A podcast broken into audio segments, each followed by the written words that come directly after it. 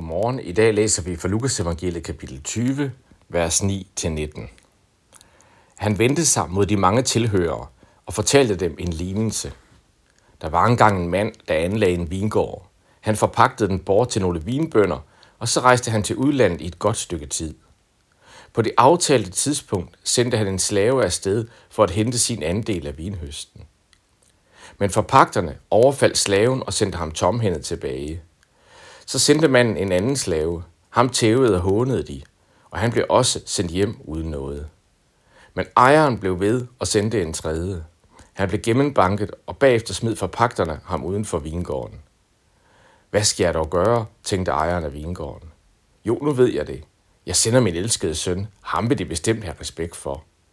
Men da forpagterne så sønnen, sagde de til hinanden, der har vi arvingen. Kom lad os slå ham ihjel, så vi kan få arven. Så slipper de ham uden for vingården og slog ham ihjel. Hvad tror I nu ejeren vil gøre ved forpagterne? Han kommer og gør det af med dem alle sammen og overlader vingården til nogle andre. Det må aldrig ske, sagde tilhørende. Jesus så på dem og sagde, har I tænkt over, hvad det betyder, når der står i skrifterne? Den sten, som håndværkerne kasserede, er blevet husets grundsten. Alle, der falder over stenen, bliver lemlæstet, og dem, som stenen falder på, bliver knust. De skriftkloge og præsterne ville helst anholde ham på stedet. De forstod udmærket godt, at det var dem, han hentydede til med lignelsen, men de var bange for, hvordan folket ville reagere.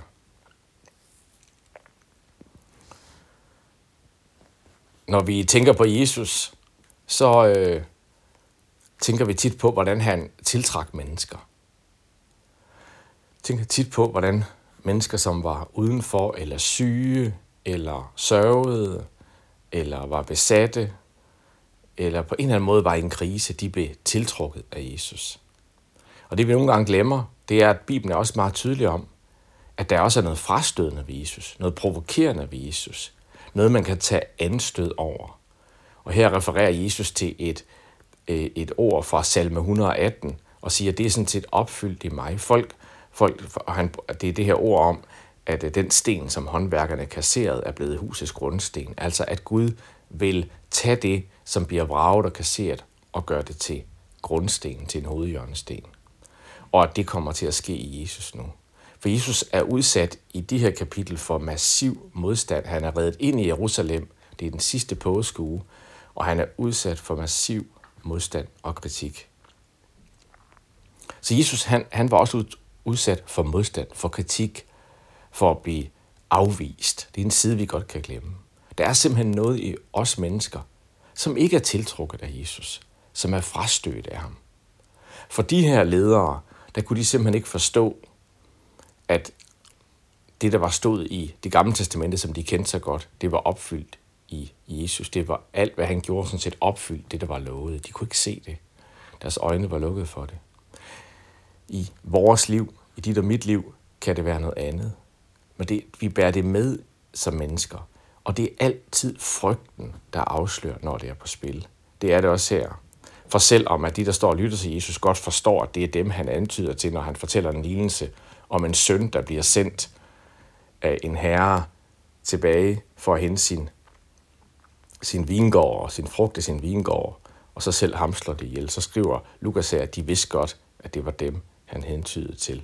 Men de var bange for, står der, hvordan folket ville reagere. De var inderst ind styret af frygt. Og det er det, der kendetegner den modstand, vi bærer med os mod Gud og mod hans rige og mod Jesus og mod hans kærlighed. Det er, at i vores gamle mennesker har vi en masse frygt med, og det afsløres altid, når vi er drevet af frygt, og det gjorde det også for farisæerne her. Så selvom de nok diskuterede og modsagde Jesus og kritiserede ham, i kernen var de drevet af frygt, og de er dermed også drevet af folkets anerkendelse. Så de afsløres simpelthen bare i dag. Og hvis Lukas har endt sin historie her, så ville det jo bare være en tragedie, for så var Jesus bare blevet afvist. Men det Jesus allerede siger her, kommer til at ske i den her påskeuge, at sådan som Jesus blev afvist, og de råbte korsfest ham, og alle forlod ham, netop igennem de begivenheder, kom Gud og sejrede og vandt på korset i opstandelsen. Det er jo evangeliet, at på trods af vores afvisning, så vil Gud have fællesskab med os. Lad os bede sammen. Himmelske Far, tak for din godhed og kærlighed. Og tak for det kæmpe mysterium, som evangeliet er. At på trods af, at vi også bærer afvisning af dig med os, så opgiver du ikke. Og du vender den afvisning til en sejr på korset. Det takker vi dig for. Lad os bære det med os ind i den her dag. Amen.